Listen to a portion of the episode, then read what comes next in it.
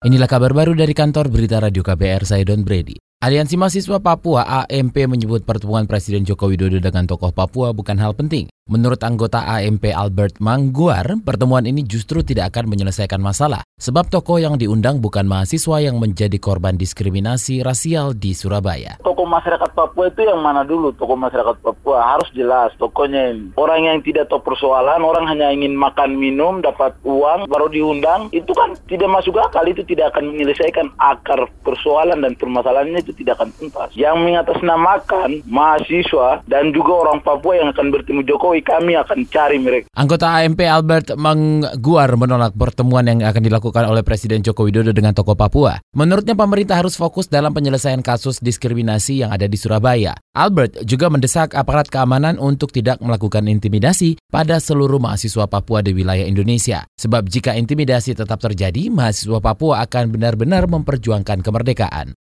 Bank Indonesia memperkirakan inflasi bulan Agustus tahun 2019 berada di kisaran 0,2 persen. Gubernur Bank Indonesia Peri Warjio mengatakan cabai merah menjadi komoditas penyumbang inflasi terbesar yakni 0,15 persen. Sementara cabai rawit menyumbang 0,05 persen di bulan Agustus ini. Data terakhir kami survei pemantauan harga minggu ketiga ya, Agustus 2019. Untuk bulan Agustus ini kita perkirakan inflasi 0,2 persen, 0,20 persen teman kalau year on year-nya 3,52.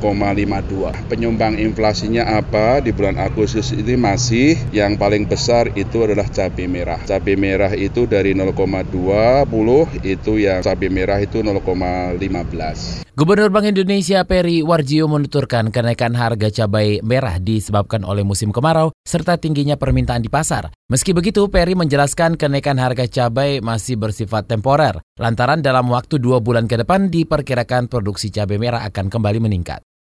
Saudara Ketua Wadah Pegawai Komisi Pemberantasan Korupsi Yudi Purnomo berharap 20 nama calon anggota KPK yang dinyatakan lolos seleksi memiliki integritas tinggi, reputasi, serta semangat pemberantasan korupsi. Menurutnya integritas menjadi modal yang paling penting bagi seorang capim dalam mengemban amanat rakyat. Oleh karena itu, Yudi berpandangan sangat penting untuk melihat komposisi nama capim yang akan ditetapkan ditetapkan oleh Presiden Joko Widodo. Diketahui siang ini Pansel KPK akan menggelar konferensi pers terkait pengumuman terhadap peserta seleksi yang lulus dari pengecekan sejumlah lembaga negara. Selain itu, Pansel juga akan mengumumkan hasil dari penilaian profil serta masukan masyarakat terhadap para peserta seleksi capim. Menteri Pemuda dan Olahraga Imam Narawi menjelaskan terdapat persoalan jelang penyelenggaraan Pekan Olahraga Nasional dan Pekan Para Limpiade Nasional atau Peparnas tahun depan. Menurutnya, akomodasi fasilitas tempat tinggal, venue hingga jumlah cabang olahraga atau cabur yang akan dilombakan masih belum pasti. Namun ia mengklaim masih ada waktu untuk melakukan persiapan dan membenahi fasilitas yang ada. Tadi muncul soal bagaimana dengan akomodasi, kapasitas hotel maupun wisma atlet yang mestinya harus disiapkan untuk uh, sekian ribu atlet itu. memang ini perlu percepatan. Yang paling mungkin adalah bagaimana solusi apakah dibangun wisma atlet baru atau renovasi asrama asrama-asrama atau tempat-tempat yang dimiliki oleh kepolisian maupun TNI ataupun kampus yang ada di sana. Menteri Pemuda dan Olahraga Imam Nahrawi menjelaskan dana untuk peralatan cabur dianggarkan hampir 200 miliar. Lebih jauh, ia mengatakan masalah teknis lain masih cukup besar, salah satunya pengadaan venue. Namun ia mentargetkan semua venue akan selesai pada Juni 2020. Demikian kabar baru dari kantor berita Radio KBR saya, Don Brady.